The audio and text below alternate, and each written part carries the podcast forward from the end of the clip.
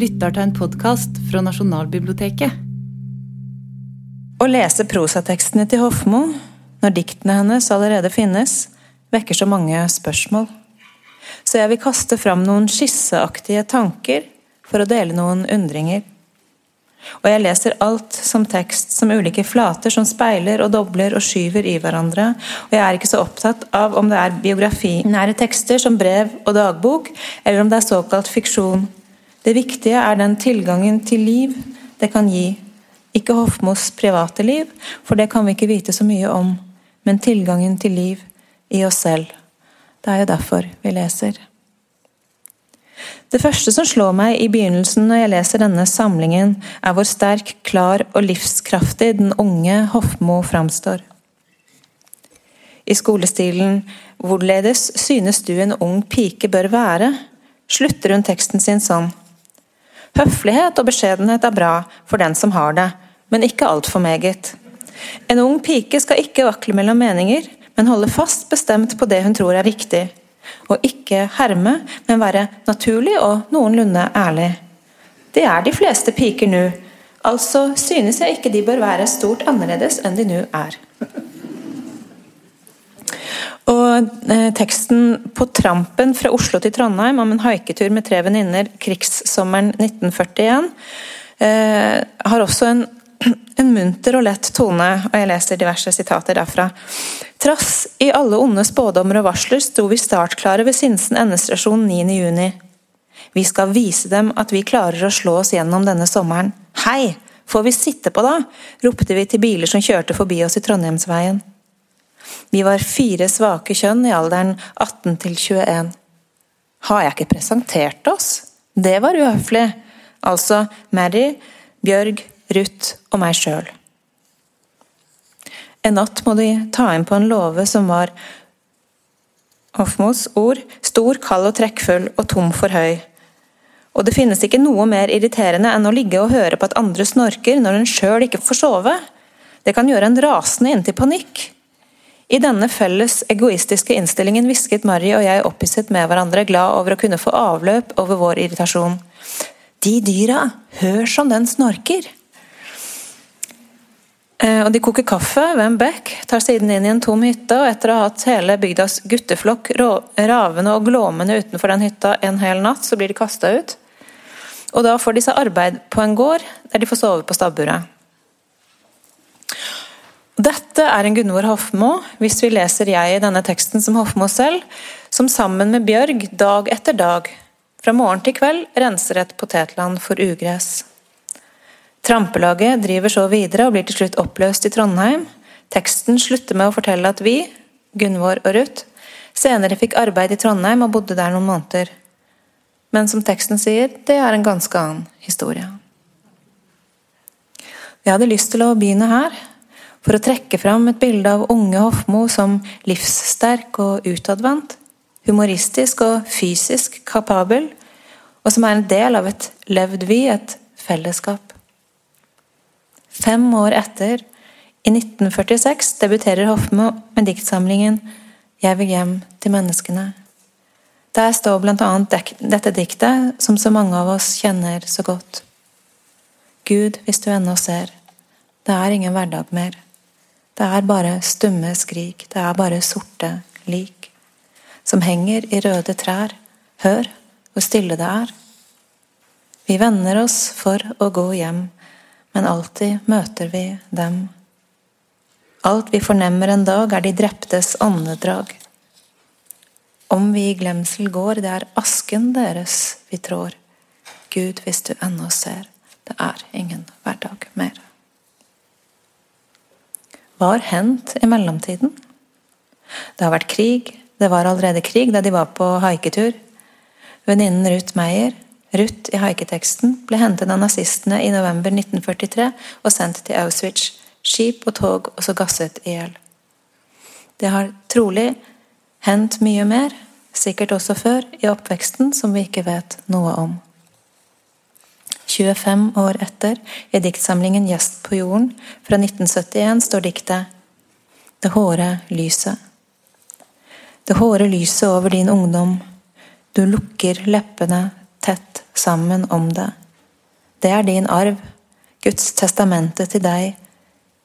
Ikke som Job skriker du til ham, men som arbeideren i vingården som grov sitt pund ned. Og hva er det som er gravet ned, og leppene lukket tett sammen om? Samtidig, og diktet er jo ikke å grave ned, det er faktisk å åpne og dele og gi. Dette diktet er altså paradoksalt noe både skjules og avdekkes i samme bevegelse. Hofmo, synes jeg, er best, sterkest i prosaen, har de rikeste språklige uttrykkene i de prosatekstene som er frie. Altså de som ikke har noen etablert sjanger. Jeg synes at når hun får være i følelsen helt tett på, uten fortellingens struktur eller ramme eller plikt, så er hun best. På samme måte som hun virker fri i diktet. Der er det hele tiden en direkte, rå og raffinert intensitet som kjennes levd, ikke tenkt eller villet. Dette med om noe er levd versus tenkt eller villet, er en grunnholdning Hofmo selv framlegger i den litteraturkritikken hun skrev i artikkelen omkring syv diktsamlinger i fjorårets svenske lyrikk fra 1951, skriver hun i sanseløs skrekk for å ligne velger de ut noen detaljer ved tilværelsen som ikke er beskrevet før, analyserer og beskriver løsrevet fra all sammenheng. Men det hjelper ikke at én velger ut en bryggerhuskjele å skrive om, og en annen en gul kjele å skrive om, og en tredje en gul hatt, selv om det ikke er beskrevet før. Selv en bryggerhuskjele og en gul hatt må ha perspektiv. Det må stilles inn i en sammenheng hvis det skal ha noen betydning.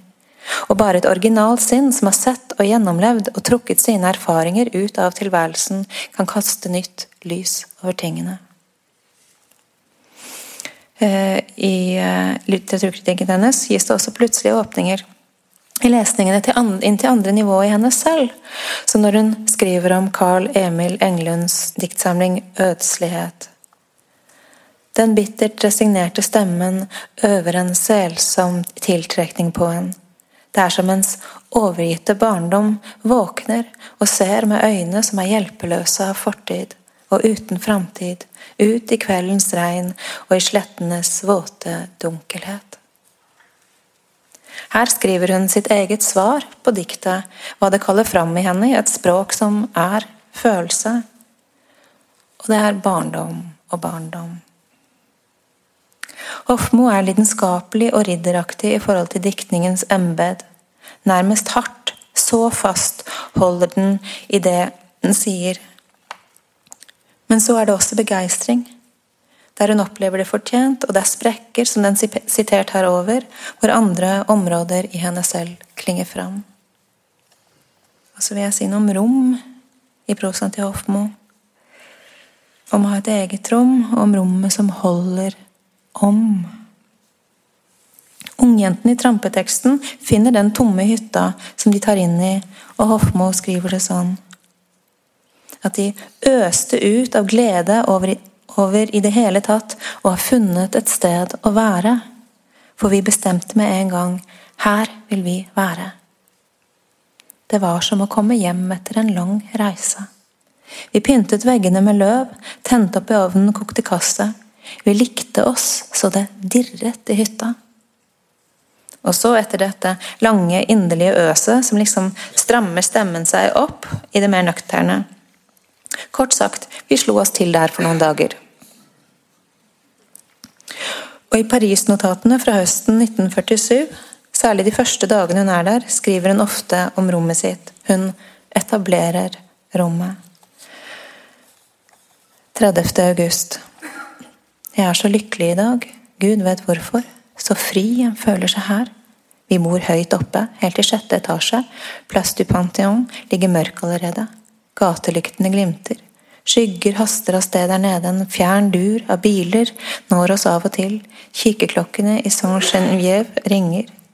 Allikevel er det en dyp stillhet, fylt av fred, virkelig fred. Bare av og til blir en grepet av redsel fordi en må tilbake igjen til det gamle en gang. Og det kan jeg ikke. Orker ikke. Hva så, mitt barn, hva så? 7. september. Det å ha eget værelse. det å kunne være for seg selv, er så deilig at det ikke er til å tro. Og Hofmo fortsetter om overbefolkede leiligheter som hun jo selv vokste opp i. Alltid i spenning Dette er sitat. Alltid i spenning, alltid irritert vegring eller hevdelse av egen personlighet. Energien forbrukt i irritasjonsutbrudd. Aldri hvile igjen. Aldri noe som gror. Nå som jeg bor slik for meg selv, er jeg plutselig kommet til å forstå en helt annen mennesketype. De harmoniske. De ble slik av å ha egne værelser, av å ha stillhet og trygghet å vokse opp i. Igjen disse dryppene fra en barndom som leppene er lukket tett om. Rommet er et sted, ikke bare å finne stillhet og være trygg i. Det er enda mer grunnleggende. Hun skriver det selv. Rommet er et sted å hvile, hvor noe kan gro, Rommet lager en grense rundt henne. Rommet gjør henne atskilt, så hun ikke bare kan bli tydelig, men så hun også kan bli til. Og så har jeg gjort meg noen tanker om en speiling mellom Gunvor Hofmo og Nelly Sachs, den svenske nobelprislyrikeren. Eh, eh, Eller hun var vel tysk, men det var i Sverige hun jobbet og levde etter krigen, i hvert fall. Uh, fortsettelsen av dette med rom, for også den psykiatriske institusjonen tilbyr et rom. Jeg har ikke noe grunnlag for å spekulere rundt Hofmos opphold på Vinneren og Gaustad.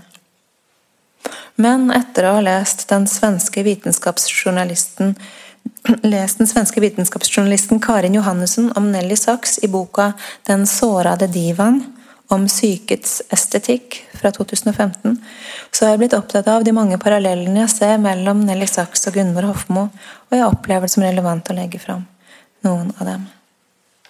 Nelly Sachs var som sagt en jødisk lyriker som fikk nobelprisen eh, i litteratur i 66, delt med en israelsk eh, lyriker. I likhet med Hofmo, og i samme periode, var også Nelly Sachs innlagt på psykiatriske institusjoner i Stockholm i mange år. Det var der hun bl.a. skrev de to samlingene som medvirket til at hun fikk nobelprisen, og også for henne, som for Hofmo, var det det paranoide som truet med å gjennomtrenge livsrommet og henne selv. Nelly Sachs bodde sammen med moren sin på ett rom helt til moren døde. Også Gunvor Hofmo bodde hos moren sin i sykdomsperioder, står det i boka, og begge var nært knyttet til mødrene. Gunvor særlig etter at faren flyttet ut på slutten av 30-tallet, står det et sted. Begge finner ly på asylet, rom, vegger som holder. Asylet som noe solid som holder der alt annet synes å kunne bli gjennomboret, også selve selve. Men det er også mulig å tenke at asylet kan gi en type bekreftelse og realitet til lidelsen. Eh, Karin Johannesson skriver det er som om Nelly S mangler utside, hun kan bare vende seg innover. Jeg levde på den tiden et veldig tilbaketrukket liv, kommer Sachs senere til å si, forbundet med min indre lidelse.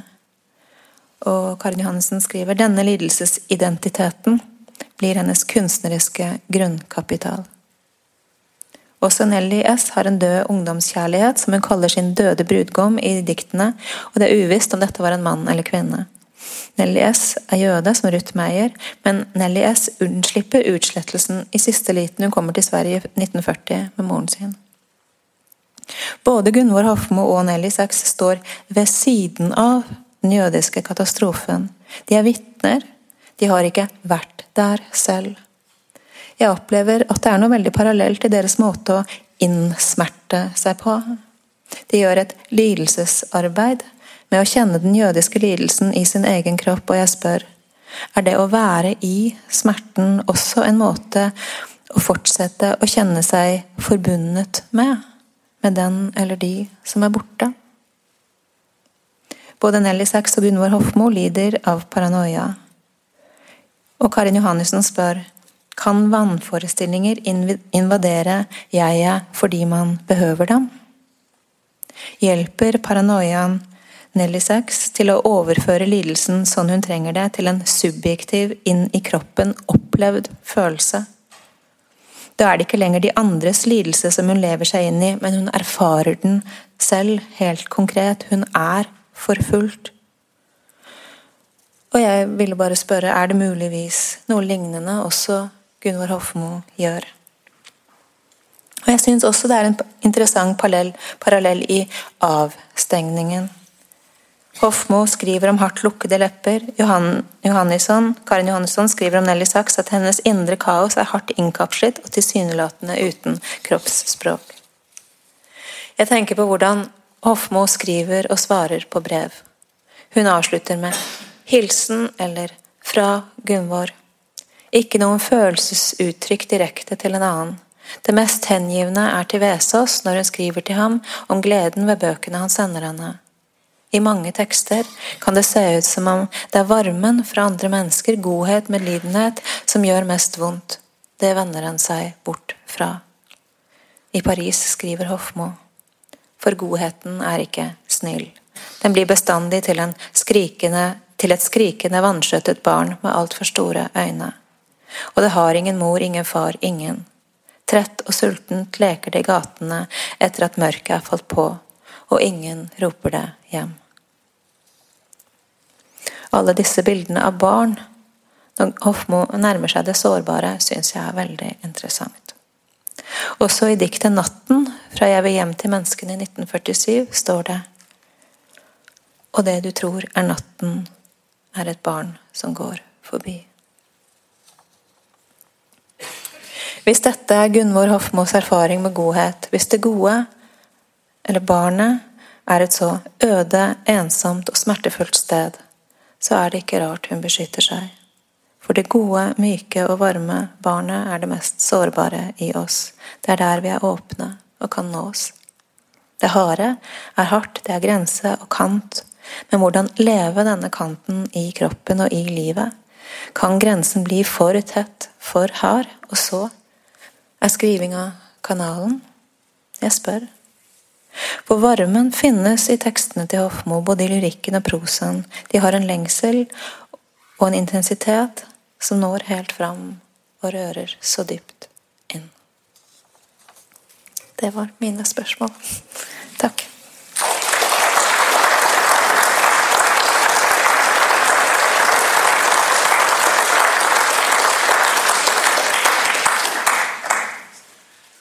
Takk for veldig fint foredrag, Hanne. Ja, det åpnet rom. Jeg skal snakke litt om um, Hofmos dikterholdning. Jeg har kalt uh, dette foredraget for 'Pinlige vitner'.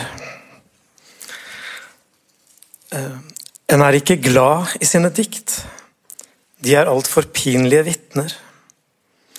En skammer seg over dem som når en ser sitt ansikt altfor plutselig og nakent i speilet etter en våkenatt, og en vender seg vekk fra disse ordene, disse mørke vitnene, finnes det ikke noe annet, noe mykere, noe roligere og mer normalt? Spør Gunvor Hofmo seg selv i antologien 'Det beste jeg har skrevet' fra 1949. Nå da prosaen til Hofmo er samlet, med alt fra postkort, norskstiler, dagboksnotater til prosaskisser, noveller og reisebrev, blir vi også presentert for hennes egne tanker om det å dikte, hvordan hun lever med det, hennes mentalitet eller dikterholdning, synet hennes på litteraturens oppgave, og det en kunne sirkle inn som poetikktanker, formulert utenfor selve diktene. Dette har for meg vært noe av det som har interessert meg mest i møte med denne samleutgaven av Hofmos prosa. Men først vil jeg fortelle litt om bakgrunnen for at jeg nettopp finner disse selvkommenterende tekstene så interessante. Gunvor Hofmo var omtrent den første poeten som jeg virkelig leste og da mener jeg leste i den mest fullkomne mening av ordet. Det vil si, jeg leste diktene vekselvis inni meg og høyt, i en slags poetisk oppvåkning, der diktenes sanglige og lydlige kvaliteter overveldet meg, samtidig som jeg kunne ane dybden som lå i erfaringene de formidlet. Høytlesning er en form for kroppsliggjøring av dikt. Bokstavelig talt går diktene da gjennom kroppen, ved talefunksjonen og talemuskulaturens kretsløp. Diktene innvendiggjøres kroppslig, samtidig som de sies ut. At jeg kjente behov for å lese diktene høyt, har jeg i ettertid tenkt på som et behov for å oversette erfaringene i dem. Erfaringer jeg på dette tidspunktet ikke kunne fatte rekkevidden av. Men jeg hadde hatt en dragning mot denne dikteren ut ifra de diktene som fantes av henne i norskboken på videregående. Det er blant annet diktene fra en annen virkelighet, og det fins ingen hverdag mer, inngikk. Å lese diktene høyt var en måte å nærme meg deres erfaringsgrunn på, og en måte å tre i kontakt med deres bevissthet, som jeg tidlig skjønte handlet om så mye mer enn et såkalt poetisk jeg og dets ensomhet og utsatthet. Diktene handlet om den kollektive historien og etterkrigstidens revisjon av mennesket som sådan. Mennesket som brutalt, selvutryddende og allmektig. Mennesket som morder avlet frem av en fascistisk politisk ideologi. Dette var den beske bakgrunnen for diktene til Hofmo. Det kunne jeg fatte uten å vite særlig mye om henne. Hun som til da forble en gåte, med det ene passfotet av henne som fantes, der ansiktet hennes fremkommer bortvendt og i halvskygge. Besk, bitter eller bitterlig er stadig ord som gjentas i hennes dikt. Dette var 15-20 år før vi fikk den kunnskapen om Hofmos liv som er med å kaste et lys over diktene, i og med Jan Erik Volds biografi om henne fra 2000, 'Mørkets sangerske', der vi får høre om de nesten 20 årene på psykiatrisk sykehus, om Ruth Meyer, hennes jødiske ungdomsvenninne, og tapet av henne. Det vi ikke visste noe om fra før, og som gjorde at dikteren Gunvor Hofmo forble et mysterium, er i dag blitt nærmest noe velkjent, iallfall i den poesilesende kretsen i Norge. Som poet er Hofmo visjonær, men også noen ganger i sin prosa. Forestillingen om den visjonære er at hun har reist gjennom dødsriket og kommet tilbake for å fortelle hva hun har sett. Det er denne dødsbevisstheten, materialisert i dikt, som gir stemme til lidelsen, den som for henne er så forbundet med historien. Slik ethvert liv selvsagt er forbundet med historien, men i Gunvor Hofmos tilfelle også til tilintetgjørelsen gjennom tapet av Ruth, som ble drept i Auschwitz i desember 1942. Når Hofmo skriver om sine pinlige vitner, er det et av sine mest kanoniserte dikt hun skriver om, fra en annen virkelighet, som jeg leser som et vitnesbyrd om den smerten hun bar på, som en etterlevende. Hofmo er et vitne i nord, i slekt med poeter som Paul Celan og Nelly Sachs, som også mistet så mange av sine slektninger i tilintetgjørelsesleirene. Hofmo er i denne andre virkeligheten, som er det utsatte vitnets, uten mulighet til å gjøre skjebnen om. Hun lever i et ufravikelig etter, uttrykt gjennom disse uforglemmelige åpningslinjene. Syk blir en av rop om virkelighet. Altfor nær var jeg tingene, slik at jeg brant meg gjennom, og står på den andre siden av dem, der lyset ikke er skilt fra mørket, der ingen grenser er satt. Bare en stillhet som kaster meg ut i universet av ensomhet. Og av uhelbredelig ensomhet. Hofmo skriver i en refleksjon rundt dette diktet i antologien 'Det beste jeg har skrevet'. Men opplevelsen kjenner ingen smutthull. Skrik ikke verdighet. Smerten ikke selvrespekt. Det var dette du skrev, enda du helst ville ha skrevet noe annet. Så blir da ditt beste dikt det du skammer deg mest over. Det du aller helst ville ha fornektet. Fordi det blottet for mye av det innerste i deg. Så blir da ditt beste dikt det du ikke ville ha skrevet fordi det kostet deg for mye. Hofmo knytter her helt direkte livskostnaden til diktets verdi. Hun skjønner at hun med fra en annen virkelighet har skrevet et virkelig stort dikt. Og litterær kvalitet til selvransakelse og livssmerte. Dikteren kommer ikke utenom kostnaden ved å blottstille seg. Selv om det nevnte diktet like mye handler om det, om et verdensforhold og en livsfølelse som gjelder langt flere enn det selv. Diktet er et pinlig vitne, men også et vitne som fortsetter å pine den som har skrevet det. I sin kommentar til diktet nevner hun ikke noe om en mulig katarsis eller renselse i aristotelisk forstand. Snarere fremhever hun skammen og fornedrelsen som kan følge med det å blottstille seg. I Hofmos prosa er det mulig å lese ut en dikterholdning som har som sitt første bud å vise omsorg, ivareta negativiteten og livets mørke i notatet hun har gjort seg om såkalt naturdiktning, heter det Enhver virkelig dikter har en unormalt forsterket livsfølelse i enten positiv eller negativ retning.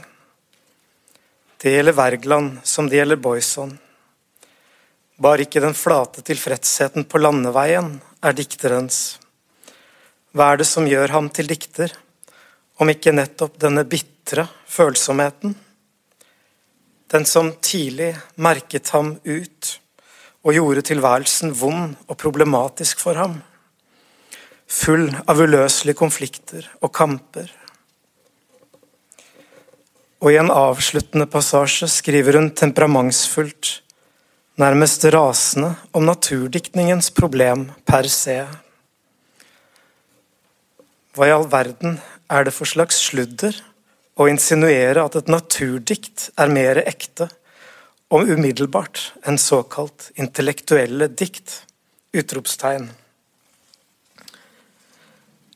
En eh, kan konstatere at det er temperament og temperatur i Hofmos refleksjoner rundt det å skrive og lese, og hun er kompromissløs og radikal i ytringene sine. Både når hun skriver om andre diktere, og når hun uttrykker noe rundt sin egen diktegjerning, enten hun gjør det for egen maskin, eller har blitt invitert av noen til å gjøre det. Ikke bare avdekker ankettsvarene i aviser og tidsskrifter en stor aktivitet som prosaist i den tidlige perioden av hennes forfatterskap. De viser også en dikter med betydelig analytisk og litteraturfilosofisk kapasitet. Hun har evnen til å se gjennom ting og formulere seg med brodd omkring litterære emner. Som f.eks. i den blanke avvisningen av dualismen natur og intellekt. Når hun svarer på Martin Nags ankett i VG om Dostojevskij og Norge i 1971, uttrykker hun seg fyndig omkring denne dikterens betydning for henne. Det er noe av den samme gyldighet i Dostojevskij som i Bibelen. Hans etiske, psykologiske og religiøse innsikt har for meg siden min tidligste ungdom betydd det samme som Bibelen for den vakte. Og om Edith Sødegran og Claes Gill heter det Edith Sødegran og Claes Gill representerer hver for seg den ytterste konsekvens av besvergelsen. Den ene påkallende i desperat ensomhet Gud. Den andre uavhengig, påkallende de høye ånders forhold til ham. Mye av det hun skriver om andre diktere, kan synes å ha overføringsverdi, eller kanskje heller tilbakeføringsverdi, til hennes egen diktning. Når hun beskriver forfatterskap, løfter hun opp kvaliteter på en slik måte at de også formuleres, eller iallfall lett lar seg tolkes som hennes egne personlige idealer. Om det ikke fins en tydelig formulert poetikk her, i hennes notater om dikter og fenomener, så fins det iallfall en tydelig kurs, som hun staker ut ganske tidlig. Gunvor Hofmo tilhører de dikterne som allerede i første bok fremstår med full tyngde, med sitt livsstoff og sin orientering. Det fins ingenting nølende eller usikkert ved hennes inntreden i den litterære offentlighet når hun i 1946 debuterer med 'Jeg vil hjem til menneskene'. Hennes prosa, så vel den esaistiske som den som omfatter noveller og små fortellinger, vitner om at hun har øvd seg rikelig og skrevet seg gjennom det som er av formell usikkerhet. Usikkerheten i form av eksistensiell uro og livssøken derimot forblir en eksklusiv kvalitet, som hun, som andre gode diktere, beholder og bruker til å skrive livet ut. Uroen tas aldri fra henne, selv om uttrykket i hennes sene diktning må betraktes som roligere der de utgår fra et jeg som virker mer avstemt og forsont med sin skjebne. Det er interessant også at all hennes utadvendte prosa, for å sitere Vold, i etterordet, tok slutt da nervene hennes kom i ulage. Altså blir denne prosaen, som en kan utlede en dikterholdning av, til i en avgrenset periode, før og i noen år like etter debuten. Etter det har vi bare diktene å gå ut ifra. Et av de tolv diktene som Hofmo skrev etter sin sist utgitte diktsamling, 'Epilog', i 1994, som står i boken 'Etterlatte dikt' fra 97, som også Vold redigerte, er det vesle diktet 'Blindfødt'. Det er på fire linjer. Det lyder slik. Blindfødt er jeg, men i min sene stund griper jordens sorg og jubel meg, og Gud taler gjennom min munn. I sin alderdom er det slik hun skriver om hvordan ordene meddeler seg gjennom henne. Jegets selvoppfatning er at hun er gjennomstrømmet av et guddommelig nærvær. Eksistensen er betinget av Guds bevissthet. Dette er for en realitet å regne i diktningen hennes, men ikke en realitet uten tilkjempelse. Jeg må kjempe for å reise seg opp fra mørke og resignasjon. Ordene er undre som løfter henne gjennom fra den andre siden. Blindfødte er vi, og livet er kanskje vår seende stund, der vi alle gripes av sorg og jubel.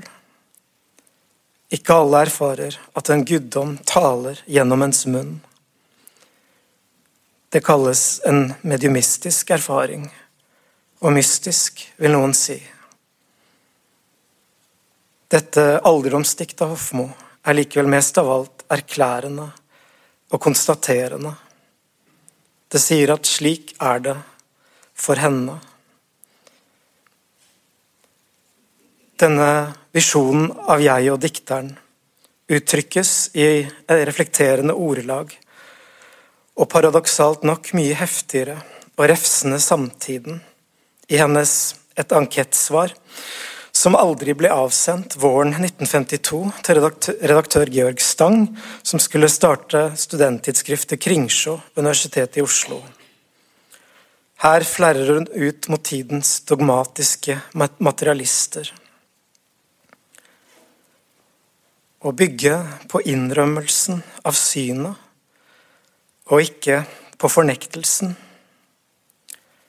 Våre mest hårkokte radikale, i anførselstegn, bygger på begrensningen og fornektelsen. Det er de blinde. En blind kan nok kjenne formen på en sten, f.eks., hvis han eller hun stryker over den med hånden, men vet ikke farven på den og ser den ikke i forhold til landskapet ellers. Ser ikke trærne som reiser seg ved siden av den, og lyset som faller over den fra en regnvåt himmel. Med andre ord ser den ikke som et ledd i helheten og i sammenheng med landskapet ellers. Altså, vi har ingen Gud, ingen større virkelighet enn det vi kan fatte med hånden, skriker våre begrensede men de seende har seiret. Forholdet mellom refleksjon og visjon hos Hofmo blir her stilt til skue. Verdenssynet og livsoppfatningen som uttrykkes i hennes prosa, kan se ut til å ha forberedt den visjonære poeten. Den visjonære har kan hende ingen formulert poetikk, siden det irrasjonelle momentet blir så styrende, også i det språket som skal grunngi og forklare. Å bygge på innrømmelsen av synet, det være seg forstått som visjon eller poesi eller begge deler, er den veien Hofmo fulgte livet ut. Også der hun innlemmet det prosaiske, som dikten hun skrev til katten sin, Maskot, eller om fuglene, trærne, menneskene hun så utenfor leiligheten, der hun bodde etter alle årene på institusjonen. Hun er ikke glad i sine dikt. De er altfor pinlige vitner. Kanskje ble diktene hennes mindre pinlige vitner med årene, etter hvert som en ro sivet inn i dem. En følelse av å være forsont med fortiden og livet slik det var blitt. Ikke fordi jeg vil diskreditere Hofmos alderdomsdiktning. Også den har det beske og bitterlige og det refsende i seg. Men det er som om øynene, Hofmos øyne, lyser fred over omgivelsene i større grad enn før. Og fred over lidelsen i sitt eget liv. Og hun tillater seg å være prosaisk, i den forstand at hun synger lavere, mer forsiktig. Prosa er ikke det motsatte av poesi. Når en taler om Hofmos prosa, vil den uvegelig være knyttet til poesien hennes, som har skapt henne og gjort henne til den store dikteren hun er. I en annen antologi Gunvor Hofmo deltok i Tverrsnitt, tolv norske diktere presenterer seg selv, redigert av Pål Brekke og Nils Lie i 1958, uttrykker Hofmo en hektisk, vill ambivalens i forhold til det å formulere noe rundt sin egen diktning. Hennes refsende sinnelag, som både går innover mot henne selv og utover mot de litterære institusjonene og de etablerte måtene å snakke om litteratur på, gi verken henne selv eller oss hvile. Dere vet ikke hva dere ber om, sier hun, ganske direkte til tidsskriftredaktøren som har bedt henne om å redegjøre for sitt poetiske ståsted. Vegringen Vrangheten i forhold til å måtte forklare seg eller oversette diktet til verden kan være en påminnelse til vår kanskje altfor pedagogiske og nyttetenkende tid. Å forsverge ånd som noe inspirert, ensomt og uoversettelig kan oppleves som radikalt i dag, og har nok vært radikalt til alle tider. Hofmo sammenligner det å forklare sine dikt med å betale skatt av sine egne inntekter. En urettferdighet styrt av dagens makter, som hun skriver. Hun kommer aldri med noen forklaring, og hun svarer på forespørselen med en lysende nektelse hun skriver Det finnes alltid noen som ikke vet hva de ber om. Å kommentere egne dikt er et parallellvitnesbyrd. En sirkel av fornuft omkring et sentrum av ånd. Et stuelys. En uforutsett, skarp tenning i et tussmørke. Hvor ånden er seende. Takk.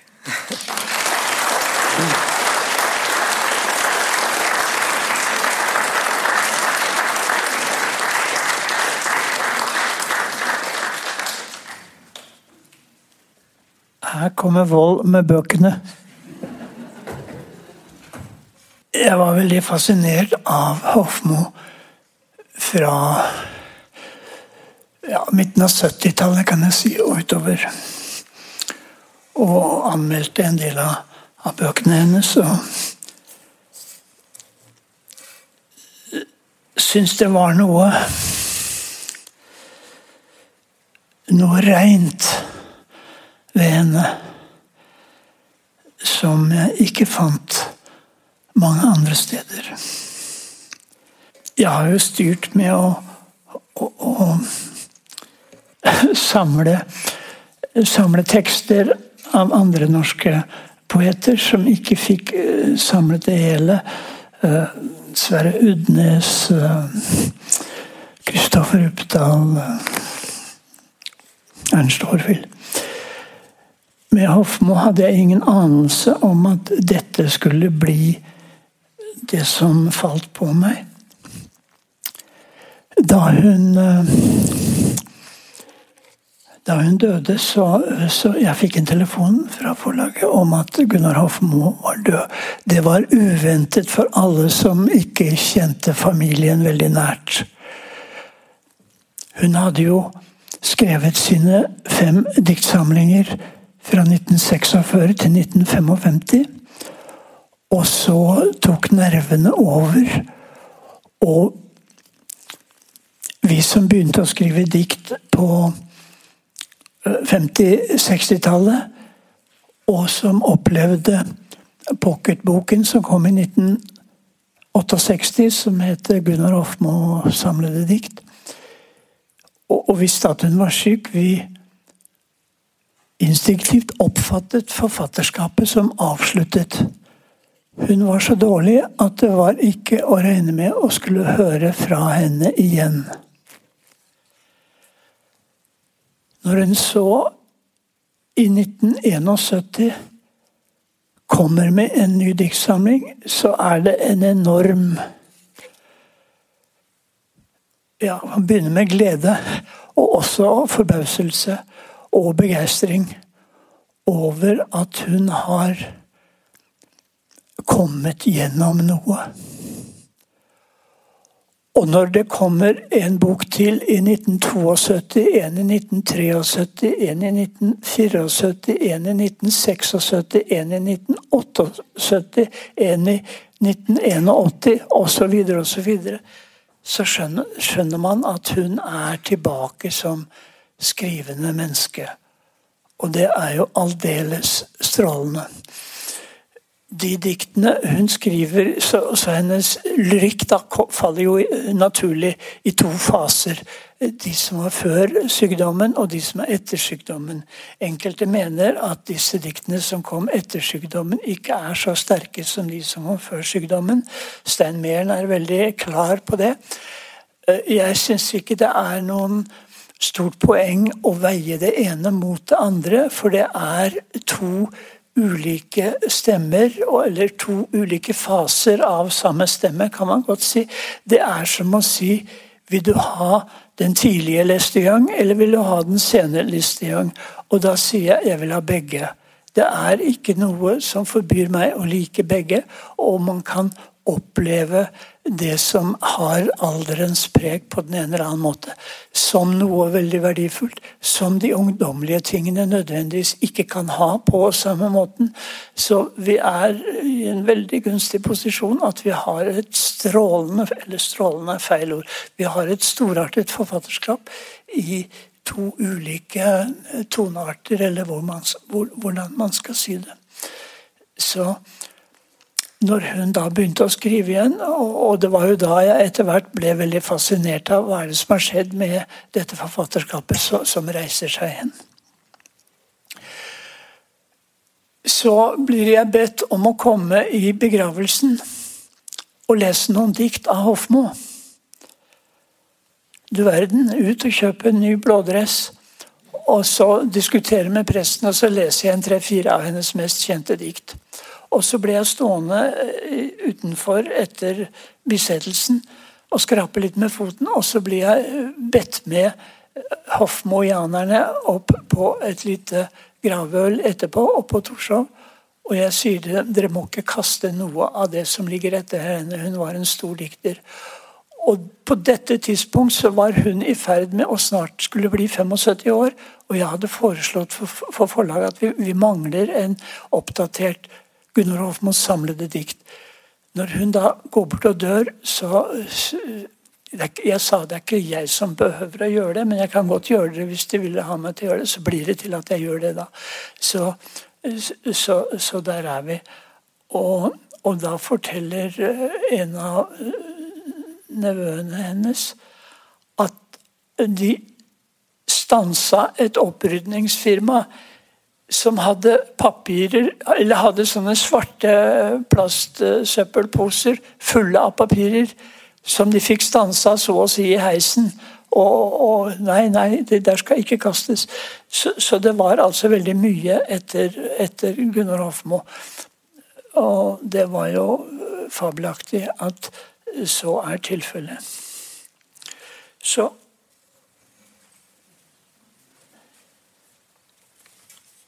det ene med det andre. Men i alle fall, jeg, skrev, jeg gjorde en svær bok som heter 'Mørkets sangerske', som er noe man kunne øh, kalle henne med en viss rimelighet. Og der er siste halvparten og det er da en biografi om henne. For da får jeg tilgang til så mange dokumenter og brev og annet at det går an å tegne hennes livsbane. Hun ble ansett som eh, utilgjengelig, og man visste veldig lite om henne, bortsett fra at hun hadde vært, eller er fremdeles syk. Nå får vi hele familiehistorien og, og alle hennes fars Hvor mange søsken var det? Ja. Hennes fars ti søsken. og, og og de er, de er vokst Her sitter Inger Hofmo, en uh, kusine av Gunvor. Jeg må ta meg til hjertet. Uh, så uh, vokste opp oppe i Iladalen, på, på Grünerløkka-siden av Iladalen. Og, og, der er det så mange, og de bor så tett. Og sosialister kommunister, antinazister, hele hurven.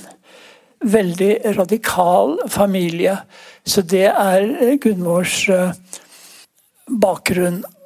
Og så vet man litt om det, så får man også det for seg at de er skrivende folk, og de sparer på brev og kaster sjelden papirer. Så Derfor er det også mye til.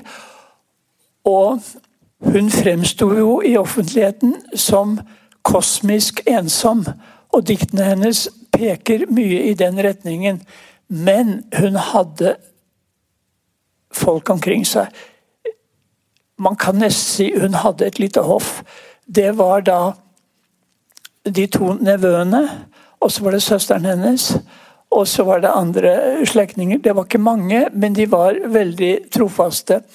Og som uh, Tor Guttormsen, uh, som er en av nevøene, sier Når tante ringte, så var det bare å slippe alt og komme.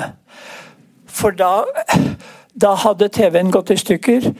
Eller uh, reseptene på hennes ulike medisinske midler var gått ut. Så noe måtte gjøres, og det måtte gjøres veldig fort. og det var bare å slippe alt og komme. Så der, der var det en familiesamhold. Sam, Så jeg har etterpå tillatt meg Nå sitter, nå sitter nevøen Nei, nå sitter kusina her og, og hører, hører, hører, på hva jeg sier. Jeg har tillatt meg å, å, å snakke om, om klanen Hofmo. Og de kommer fra Aurskog. Høland Aurskog. Ja, sånn er det. Så, så det, er, det, er, altså folk rundt Hofmo hele tiden. Uh, så uh, det var hennes måte å skrive diktene sine på, og dette behøver vi jo egentlig ikke å vite. Men når vi først vet det, kan vi ikke glemme det heller. For hun, hun jeg kan ikke si at hun ordna seg så veldig bra, men hun hadde det relativt bra. Det var slik at hun var innlagt fem ganger, tror jeg, på, på Ullevål eller på Gaustad.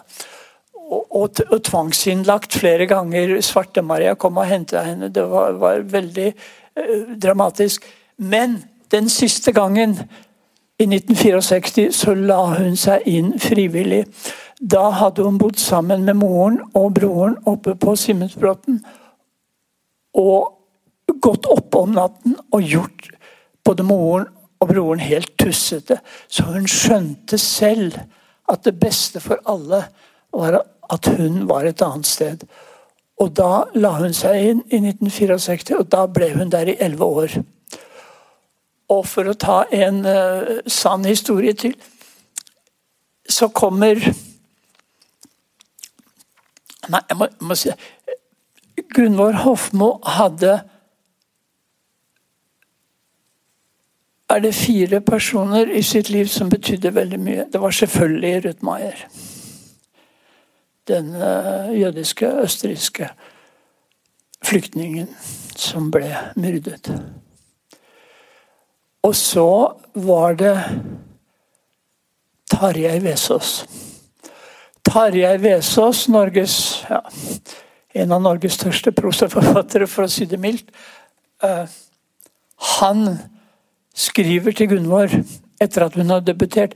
Da er det ikke Gunvor som har sendt boken sin til, til Tarjei, men Tarjei som har gått og kjøpt boken, for han skjønte at her var det noe, og så skrevet noe til henne.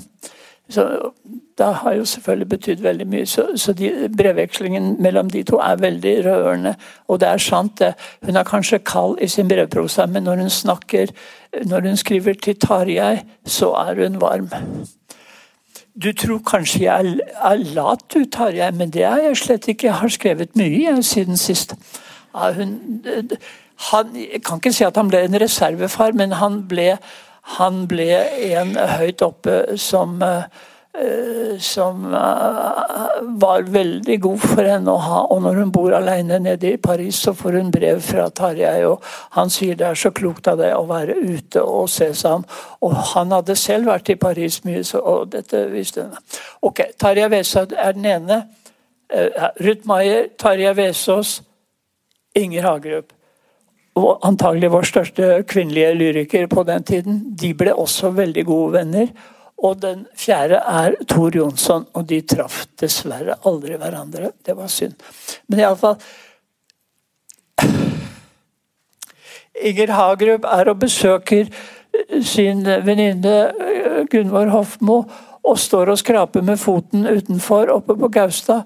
Og så bryter Gunvor tausheten ved å si Nei, vet du hva, Inger. Legg deg inn du også, først som sist. Her har vi det bra. Gunvor, Inger Hagerup har fortalt meg den historien. Og, og hennes ettertanke. Og Jeg må si det var et fristende forslag. Så det er riktig det som ble påpekt, at hun skaper seg et rom, eller sørger for å ha et rom rundt seg. Så, så, så blir det på den måten. Og Da må jeg ta også historien om hvordan det hadde seg at hun begynte å skrive igjen. For det, En dag så sier hun eh, på, eh, på Gaustad da, jeg vil ikke være med de andre og hype poteter. Eller flette peddik eller uh, gjøre sånne ting. Nei, da må vi finne på noe annet, sier Johan Bremer, som er overlege på kvinneavdelingen og visste veldig godt hvem han hadde å gjøre med. Kan de ikke begynne å skrive igjen, da? Jeg har ikke noe sted å sitte. Nei, men det skal vi ordne. Så får hun en fast plass i en bueuthvelving på korridoren der. Og da visste alle dette er Gunvor Hofmos plass. Her sitter hun og skriver. Så slik ordner det seg. Og så skal de pusse opp i den avdelingen hun er på. Og det er avdeling D, som er for de kroniske, som, som skal være der livet ut. Nei, hun, når de skal pusse opp, og hun må flytte til en annen avdeling, så vil hun ikke det. Så sier hun jeg vil flytte hjem til min bror.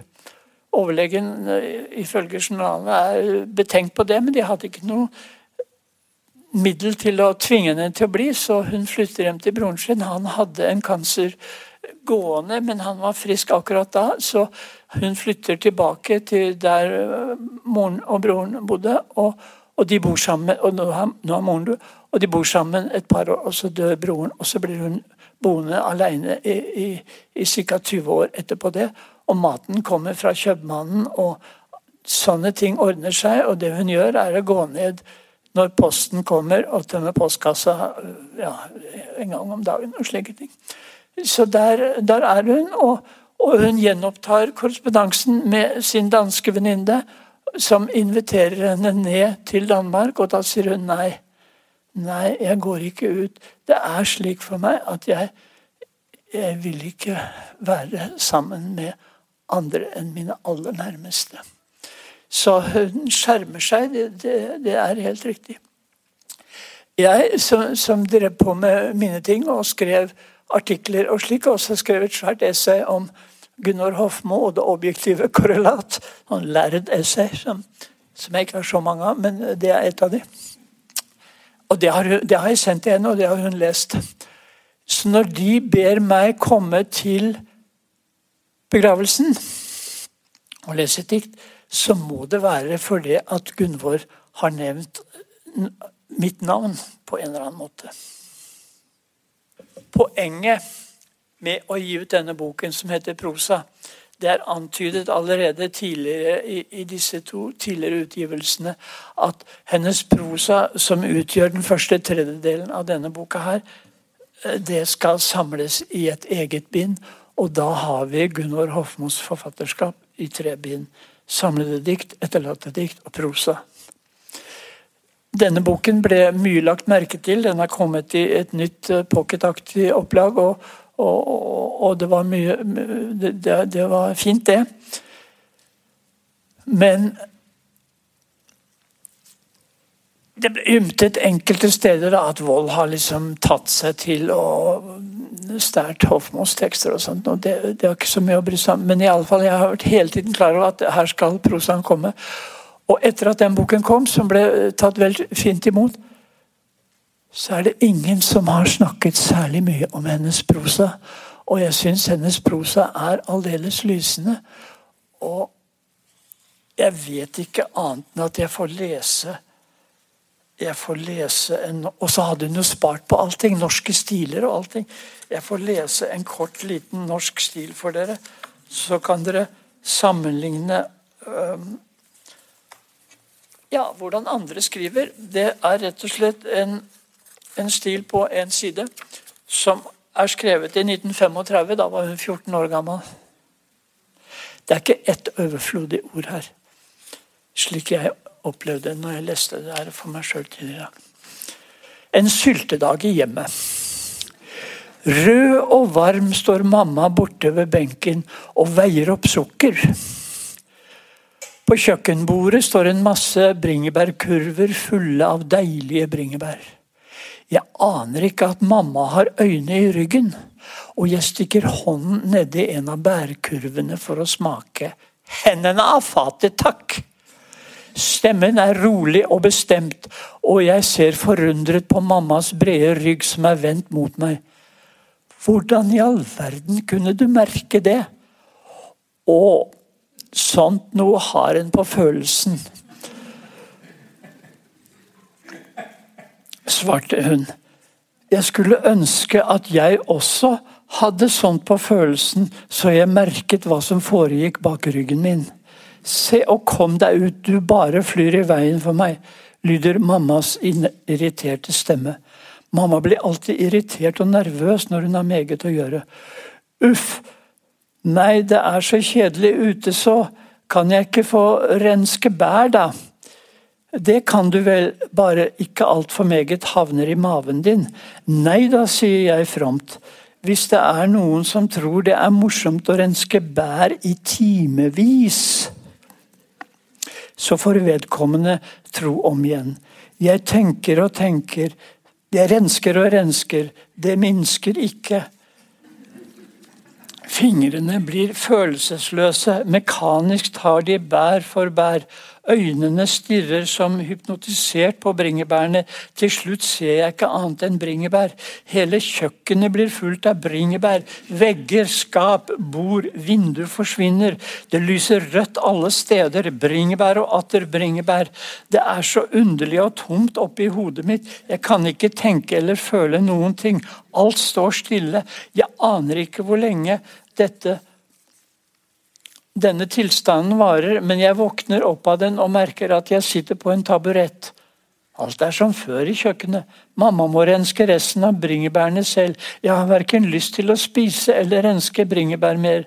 Mamma tømmer det oppmålte sukkeret nedi en diger kjele, tar litt vann opp og setter kjelen på en varm plate for at sukkeret skal bli oppløst. Siden tømmer hun bærene nedi, og en halvtime står den digre kjelen på komfyren, mens det inne i kjelen bobler og freser og lukter syltetøy lang vei. Den dagen må vi unnvære middag, for mamma har ikke tid til å lage den. Og så er det å fylle alle sylteglassene, men det vil hun ha hjelp til. Både min søster og jeg fyller syltetøy i glassene for harde livet. Men hvis pappa eller min bror kommer og forstyrrer oss, sier mamma øyeblikkelig 'marsj ut' og dytter dem ut av kjøkkendøren. Og syltetøyet blir satt ned i kjelleren og varer kanskje helt til våren.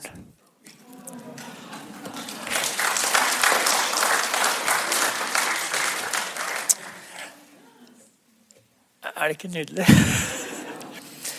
Det mitt, Min opplevelse, eller min oppfatning av Hofmo, er at hun var aldri gæren.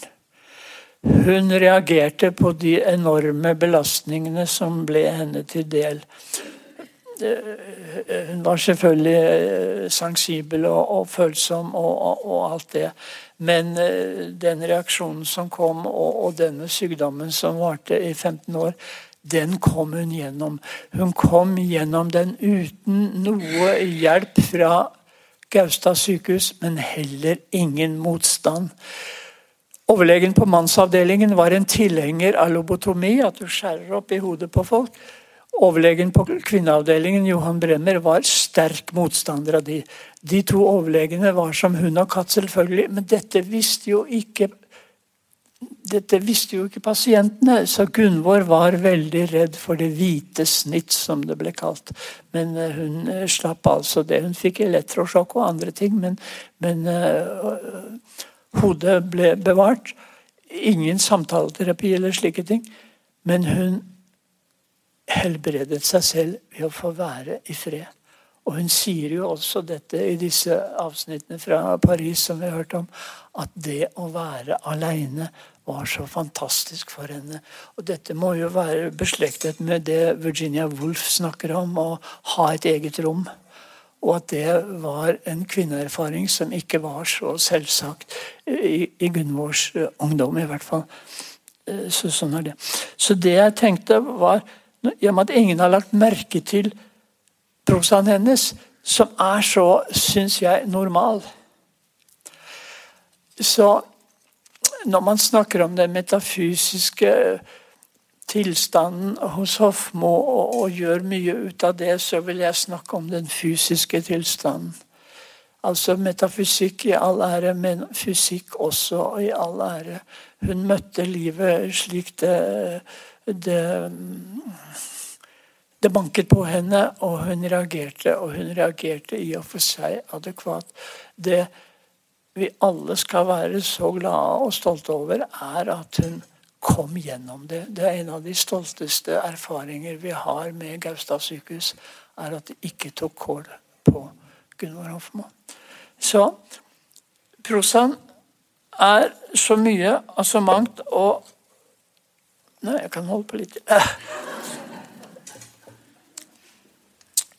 Gunvor bodde da i Klaus Ries gate 7. Ja. Og et fast bilde som hun kommer tilbake til mange ganger, er at hun kommer og trekker en kjelke etter seg. Det er på vinteren, selvfølgelig. Og høyt oppe i et vindu står en bestemor og kanskje roper henne inn. Men det kan også være at bestemor kaster en appelsin ut til henne. Så hun elsket sin bestemor, som, som bodde i, i, i, samme huset.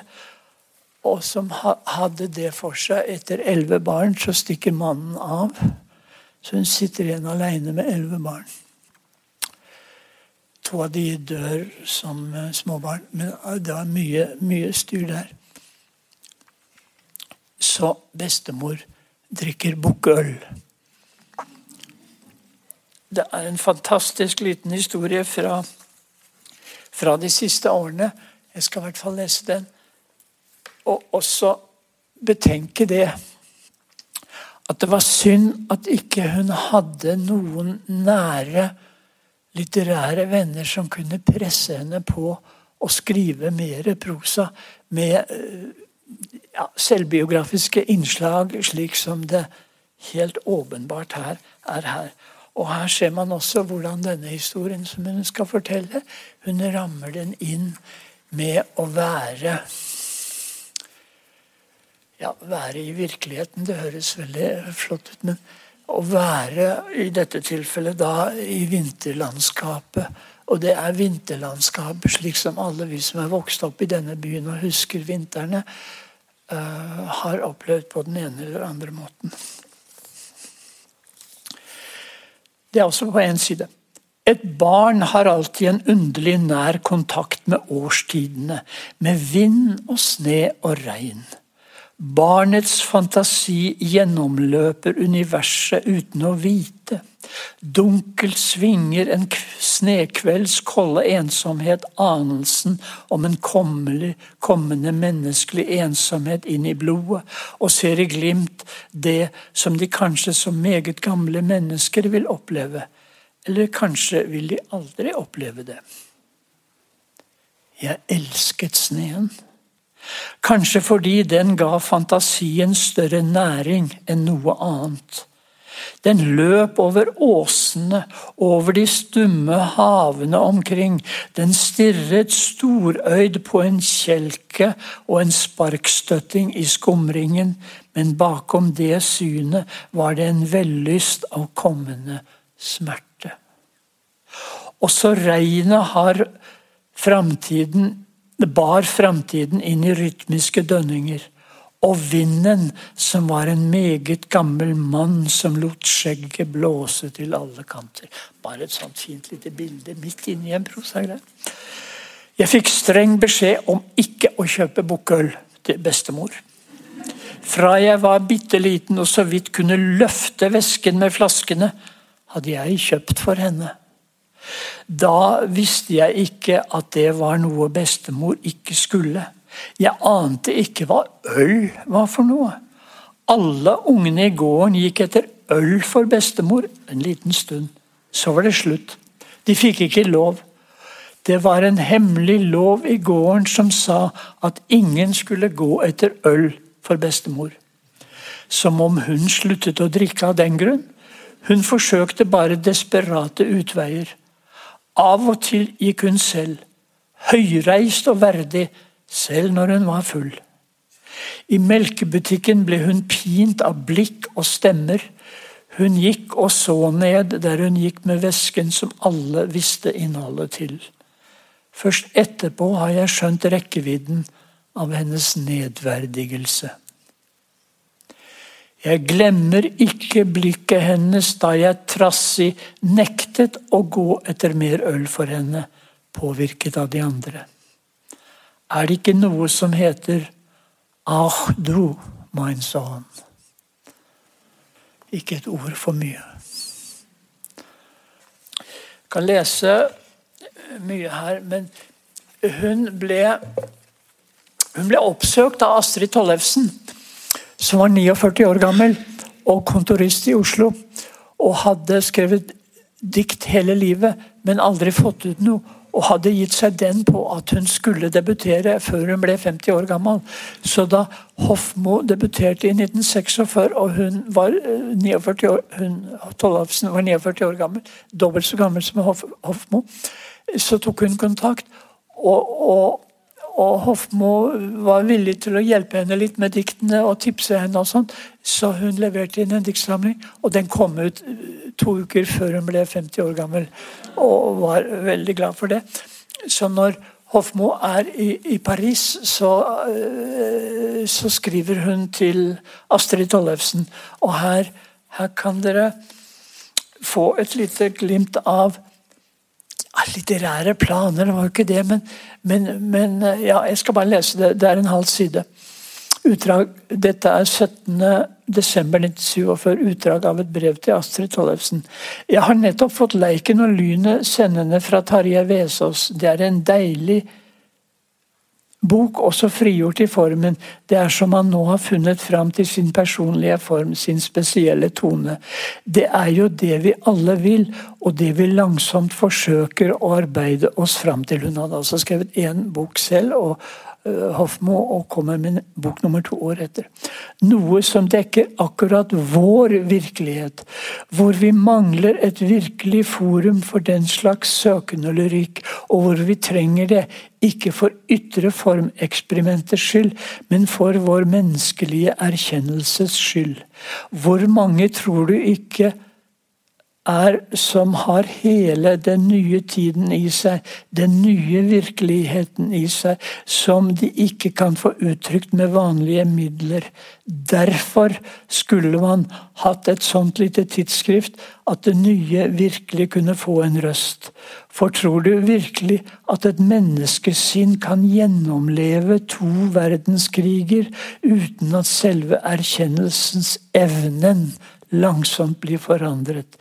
Det tror Det er det jeg tror, nemlig. Jeg tror at selve vår erkjennelsesevne er blitt forandret dypt inni oss et sted, og det er det vi må forsøke å få fram i lyset. Ja Kvinnelig lyriker og en kvinnelig lyriker til. I dag hadde de kanskje lykkes å få til et tidsskrift, men, men de gjorde det da ikke på, på, den tiden. Men det gjorde jo heller ikke de mannlige lyrikerne i Norge på den tiden. Så, så eh, Harald Sverdrup fortalte meg det at de hadde ideer om et lyrikktidsskrift, og frem og tilbake, og hva skulle det hete? Og til slutt skulle det hete 'Kyss meg ræva', og så ble det ikke, og så ble det ikke noe av det hele. Så, så, så, det er leit. Og det var jo mye av, av, av av amperheten rundt den første generasjonen som klarte å få til et tidsskrift på den måten, nemlig de som drev på med profil.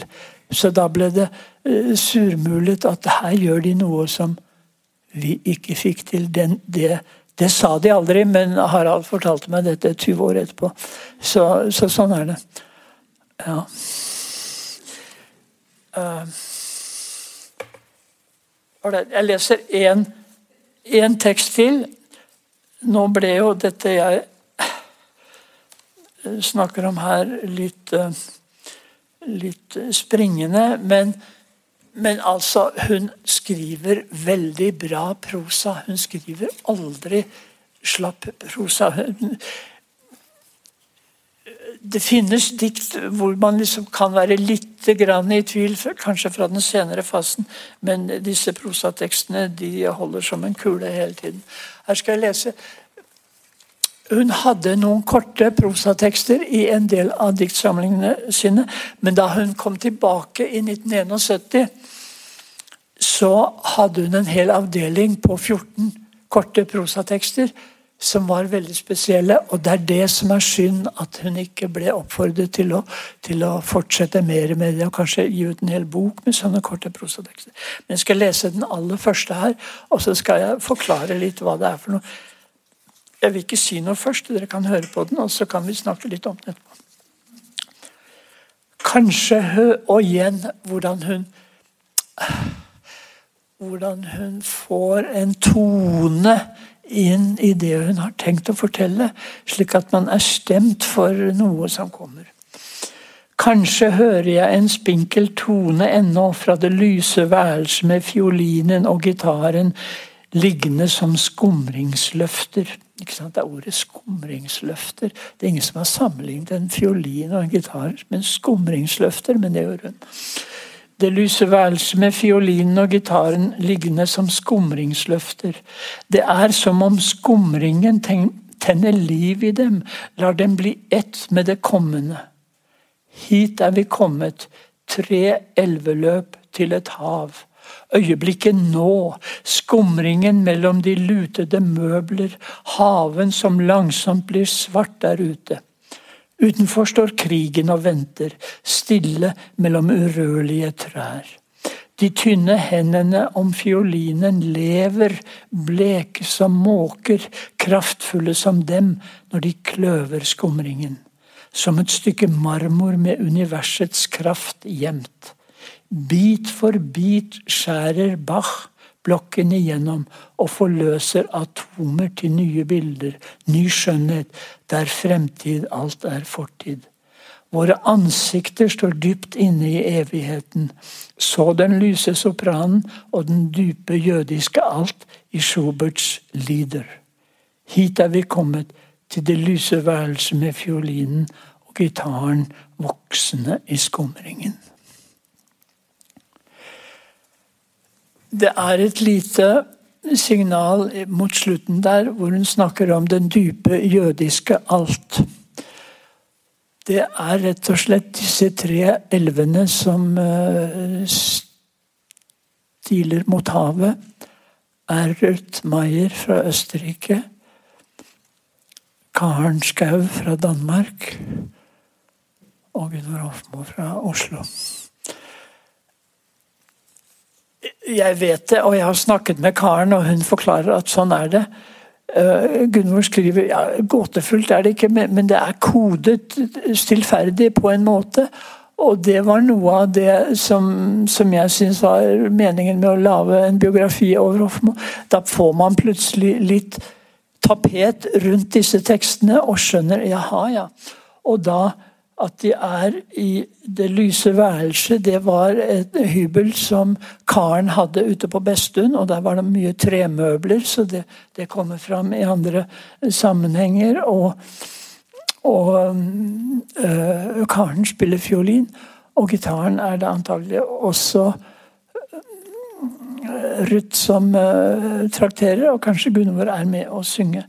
Men øh, hun snakker både om fortid og fremtid her. Og utenstå for krigen Dette her er antagelig skrevet i 1942, eller handlingen foregår i 1942. Så det er jo dramatisk å, å tenke på det kommende øh, for alle de tre damene der. Det, det hadde sine sider, ja. Men uh, slike tekster gjorde hun. Det er en psykiater som har skrevet litt om disse disse små, små, små tekstene, og han sier at her kan man ane forhistorien til det som blir et psykotisk sammenbrudd. Det er noe plutselige brudd i noen av disse tekstene som han Jeg tror han kaller det prepsykotisk eller noe sånt. Det, Det skal ikke jeg legge meg opp i, men det var i hvert fall en, en fagmann som hadde glede av å, å lese disse tekstene, og, og tror jeg, han tror han bruker det i sine, i sine uh, forelesninger, eller hva det er. Her er vi, på, ja, her er vi i en klasseromsituasjon. Klasseværelset lukter tett og varmt av 30 kropper. En folkeskoleklasse, sier jeg da. Om det, det står ikke der, men det er sånn. Klasseværelset lukter tett og varmt av 30 kropper. Timen skal begynne. Regning, din favorittime. Læreren med en trearm kommer, og alle reiser seg. Vi synger hans spesielle sang, alltid freidig når du går. Han virker like beveget hver gang. Plutselig, under sangen, åpner noe seg. Du går gjennom verden der ute verden med stor V. Alle fanger sammenlenket i pine. Alle undertrykte folkeslag reiser seg. Alle unge, alle gamle ser på deg. Alle de fattige du når i dette øyeblikk med skjelvende, angstfull medlidenhet. Elleve år. Det er ikke vanlig at elleveåringer får sånne brå koblinger ut til noe helt annet enn tryggheten inne i et klasserom. Og det Der hadde Gunvor noe helt spesielt. Og dette fulgte hun. Ja. Nei, jeg må lese én tekst til, for det syns jeg er et slags selvportrett. Og det er det jeg som syns, og det vet jeg ikke om er riktig, men i alle fall. Det er den 14. og siste av disse tekstene i den boken. Og da er klokka tre minutter på halv, så vi skal holde på, så da, da slutter vi der. Furuen. De nakne bjerkene er meget motebevisste og dessuten renslige, vasker de nakne kroppene i regn og sne. Mens furuen derimot, outsideren, står inne i bjerkeklyngen med sine grønnskimlede klær som den sover i også om nettene, både vinter og sommer, og er ikke til å formå å kle av seg.